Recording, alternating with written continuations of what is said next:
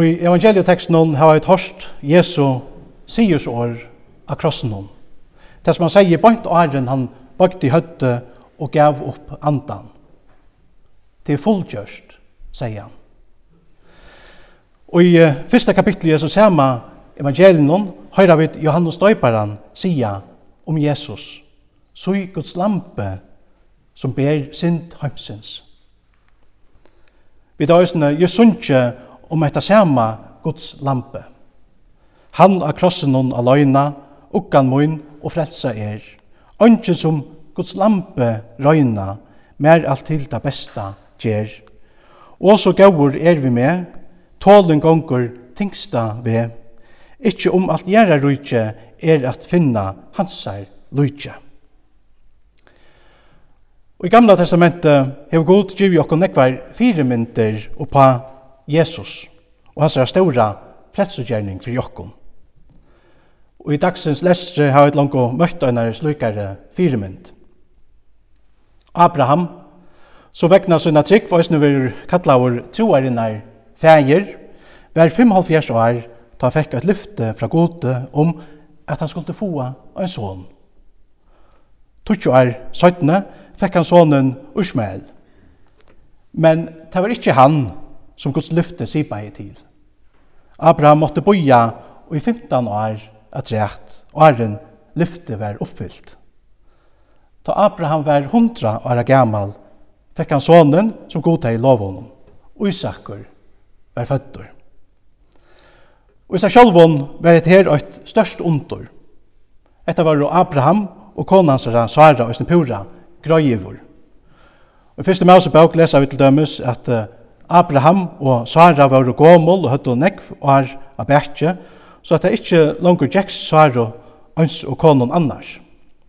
Tøy leie hon med seg sjálvare og hugsa ei man gyndar hoer koma av meg, nu ta i etlen hever bakt meg, og maur mun òsni var en gammal. Ta sier Herren vi Abraham, kvi lær Sara og hugsar, hvordan skal jeg, som er så gammel, få sånn? Man nekka vera herran hon og først og sverre er give. ikke er herren og først. Ta Isakur var om lai 12 år gammal, sier god vi Abraham, som vi da Lise. Takk du ankarsson tøyn, Isak, som du elskar, og fær til Marjolands, og offran her som brenni offer oppi av øynene av fjøtlenon, som jeg skal vise til å. Abraham var løyen, og fer mot Morjo landen morgenen etter. Da han og Isak kom til stegen, som god i vursdømna, bygde Abraham et altar, leie vien til rattes, og bant sonen og leie han av altaret. Og alt dette gjør det han, og i fotlån alit i agot, han som hever atlan mått. Etta leser vi et øyne om i Hebrearebraunen, her det stender i Nudja Sottmalanon, Abraham troe gode øysene, ta han var røyntor og skuldi offra Isak. Ta at god hei lova Abraham i enn større akt og hei finnja vita at han skuldi få avkom sutt i Isakje, så var han til røyer at offra sin øynasta son, til at han var samfører om at god var mentor av vekje opp fra deion, og at han fekk Isak attor av løyve. Abraham lytte så knuven for at offra Isak, Men i samme stund råpa jeg ønskjel herrans av Abraham og sier, Legg du ikke hånd av sveinen, og gjer honom ønskjel møyn. Til at nå vet det, at du økta god, vi til at du ikke sutte mer ønsker sånn tøyn. Ta Abraham hukte opp, og løyt seg om, ber han eia vi en vekk. Så vi hatt nå kom fastor og i en rund. Abraham ført ta, og tok vekkren og offra i han som brenni offer og i sted sånne sønns. Her er Lise. Vi frasøkne om Abraham og Isak lærer vi med den andre. hvordan lengt god er ferden for å bjerke okkon. Vi lærer god okkon at det ikke er okkara offer som bjerke okkon, men øynast det offre som han sjolvor utveller. Vekkeren som Abraham offra i og i stegen fire og Isak er en firemynd og patea som Jesus gjør det for jokken av Golgata. Jesus, Guds utvalda offerlamp, var offraver og i stegen fire jokken, lukka som vekkeren og var offraver og i stegen fire og Isak. Vi la så at Angel Herren sier, «Nu jeg at du øktas god, vi tar at du ikke sutte mer ønker sånn tøyn.» Etta minner eisen om det som vi lesa i Johannes 3, 16. Det er så elska i god tøymen at han gav sonsuin hinn øynbarna. Så hette er oppfyllelse av firemyndene. Isak var spartor, men det var Jesus ikkje. Og hette understrykker Paulus eisne fyrjokken og i Ramverbraunen, her han sier, han som ikkje sparte sin egna son, men gav han opp fri okkon öll, Hvor skulle han ikke øsne gjeve okken alt vi honom? Men hette er jo akkurat det som god hever gjørst. Han hever givet okken alt vi honom, vi sonen, som ikke ble spart. Jesus er Guds utvalda offerlamp. Han var offraver i stegen fire i okken, lykka som vekkeren øsne var offraver i stegen fire, Isak. Så i Guds lampe som ber synd heimsins, sier Johannes Døybæren. Etta minner okkon òsne av en æra firmynd i, i Gamla Testamentet, en firmynd på Jesus, nemlig påskalampe. Og etter er en av de største firmyndene på Jesu fredsutgjerning fyrir okkon.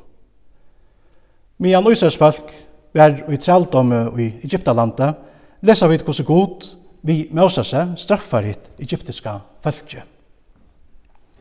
Israels folk levde under sera høron koron og i Egyptalandet. Men god han hei en frelseatlan. Han ville bjar bjarga fölkjen. Vi Mosese sendte god plavo om han plavo iver Egyptaland. Men faro ville ikkje letta fölkje færa. At han har nuttjo plavor, sier god vi Moses, enn øyna plavo, ville leta koma iver faro og Egyptaland. Og at han hana var han løyva tikkum affæra hian. Og hver vær så hendan sørsta plavan? God han hei sagt, og mye nått ville genga mitt i jøknon Egyptaland. Ta skulle alle fromborer og Egyptalandet tøyna løyve. God sier vi Moses at han og hans folk skulle slakta påskalampe, bort og æren ta blei myrst. Heretter skulle de tekka nekka av blåunon og smyrja ta av boar dora stavnar og av dora treje av de husen her de auto påskalampe. Og hesten davren skulle være postkjer herrans. God hei sagt, blåu skal være til kontekjen av de husen som ditt er i. Og ta er suttje blåu skal det være omtikken. Av mye natt, fatt plavan i faro, og Egyptaland. Hon fall iver kvørst hus som ikkje er i blåe, som så tekjen. Men her som blåe vera suttja, vitja i plavan ikkje. Tei var loppen om. Lukka som påskalampe var slakta, og blåe tja påskalampen hon vera frelsetekjen fyrir Ísas folk, såleis er Jesus òsne slaktraur, og hans blå er frelsetekjen fyrir öll tei som tryggva og han. Ta god heldur døma det, ta vera teg som tryggva av Jesus, ta vera frelst vegna blåe, som var uthelt av krossen. Jesus han er hitt sanna påskalampe, og hans er blå er hitt sanna frelst og tekne. Vi lesa at Ísars folk fekk bo om at tekka seg åtte lamp fyrir kvørst hus. Kvør familie hei bruk fyrir øynon lampe. Og lykka som tei, hava to og jeg òsne bruk fyrir øynon lampe. Vi tar bruk fyrir Guds lampe. Han og krossen hon aløyna, manna middelen, øyna han, Guds lampe, hitt gaua, røyna, vin og avvin, fauna kan. Han vil ongan køyre ut, som seg kjenner sint og sot. Kom i öll, han sier bløyer, strøyer, bløyer, sælo, bøyer. Da stendur at påskalampe skulle være lytalest. Og etter en mynd på Jesu røgnløyka, Jesu rettvise. Petter han sier til dømes, til Kristus løy øsne øyna fyr fyrir sindarar, øyn rettvisur fyrir órettvisar, for at han kunne løy okkon fram til Guds. Jesus, han er sanna påskalampe. Han er lytaleser, høylaur og røynur. Han er helt i atla Guds høylaur lov, og er tog åttan nekra sint. Og tog kan han også koma sindaron som okkon til hjelpar. Vi er jo at syndarer, og da stendt skriva at løn syndarinnar er deie til trobeløyken. Men ta Jesus døye i okkara sted, vannan okkon evigt liv. Som Jesaja profeter Øysen sier, men han var skjertur vera sinda vekna, og sundurbrotten vera miskjera vekna. Okkon til friar, kom refsingen nira han, og av saren hans fink vit halsebøt. Og Israels folk fekk bo om å takke av blauen tja påskalampen og smyrja ta av boar dora stavnar og av dora treia av de husnån her de åtå påskalampe. Og at her skulle være et tekjen mittelen god og feltje.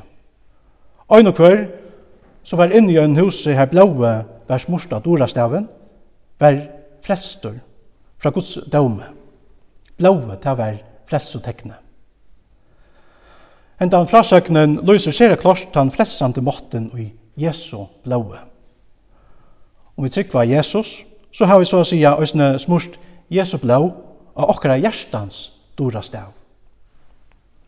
Så er vera vi frelst fra Guds døme iver alt eurattvise. Om vi hava blåe, så hava vi òsne løyve og frelsene. Det som trykva Jesus, hava, som dessa òsne stendur skriva og i sørste bøtjene i bøyblene, tvige klæger søgne og gjørst deg kvitt i blåe lamsens. Kostnauren for jeg bjerga okkon var Jesu ekna blåe Så vi er å sere dørst kjøpt. Dit er for han sier det som såleis. Dyr er nægen framom alt, tog at hon hever dyr for god, til at hon kostar i sånne gods løyve. Dyr er nægen. øynast av bjergjeng kviler altså og Jesu dyra bæra blåe. Det var hverst gull etla silvor, men blåtutt og bjerga i mer, det er et øysnia sinja.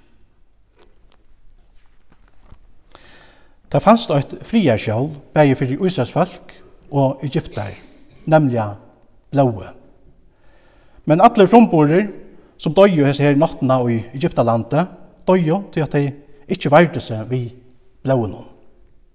Og så lais veri det østene at døma degi, til Jesu blå, som kommer til å avgjøre alt for dere. Ta i suttje blåe, skal det være omtikken, sier god, og öll þeir som leita seg sjálv aftanfyrir lamsins blå var bjerga, lukka mykje hver ein som er, og lukka mykje hver luftsøvan til som er. Om ein heie fredste tekne, så fekk ein østne nøye og bjerging. God han har givet okkon eit fredste tekjen, nemlig Jesu egna blå. Om vi tar lot i hans blåa, så er det postjer østne i okkara løyve. Det er postjer, det er jo at fære om. At fære om. Vi tror at Jesus er vi nå stadt, og Jesus er sæl og støv, at god han fer om okkom vi sin daume. Og vekna Jesu blå, vidtjer han okkom nu i stegin fyrir vi sinne endaleis og nøye og sikning. Ta kunne vi sannelig halda postjer kvenn i okra løyve.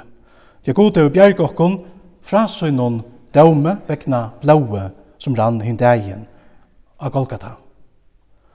Og det bratte kass, han ikke da øsne så vekkurs, han sier, røyner som kæve, frelso i havet finnje vi Jesu Kristus er blå. Året meg sier at nu er frigjør finnjen til lampe futtjentans lå. Frelstur i ere, sælur best hui, Jesus sko sonur deian, tjekk ui, frelstur fra døme, himen i haume. Amen. Halleluja. Hette det som hitt sanna påskalampe hever vunne okkon. Det er så elskar i god heimen, at han gav sån sån inn øynbarna, til tess at øyn og kvør som tror han ikke skal glættast, men hava evigt liv. Så god han har gjørst okkon ein frelse ved, vi Jesus. Jesus han tåg dømen, så vi tøtt oppe på det, og altså sjálvan. Og tøy kunne to, og jeg øyne tekka årene, tja salmaskaldnun til okkon. Her er det stendt skriva, som estre er fjærlagt fra vestre, så hever han fyrra miskjerir varar fra okkon, som estre er fjærlagt fra vestre. Etter galdande fyrir te og me, her og nu, tog at Jesus hever langt strika atlar okra synder vi te at han nelde der av krossen. Og etter er grunden til at vi tar Jesus råpa av krossen det er fullgjørst. Det er fullgjørst. Han, Guds lampe, han er han som ber atler okra synder. Atler hamse synder. Han var dripen, og vi blau søgnon kjepte han gode menneskje av ötlun attergrøynon og tungumalon og tjauon og falkasløven som det stendt skriva i, i oppenberingsene. Nå er veveren inn i himmelen åpen for jokken. Og tog er det at Jesus hos lampe røpte siersårene her av krossen om. De siersårene som øysen er galtande her og nå, fyrir te og med. Det er fullkjørst. Han av krossen om aløyna, ukkan mun og frelsa er.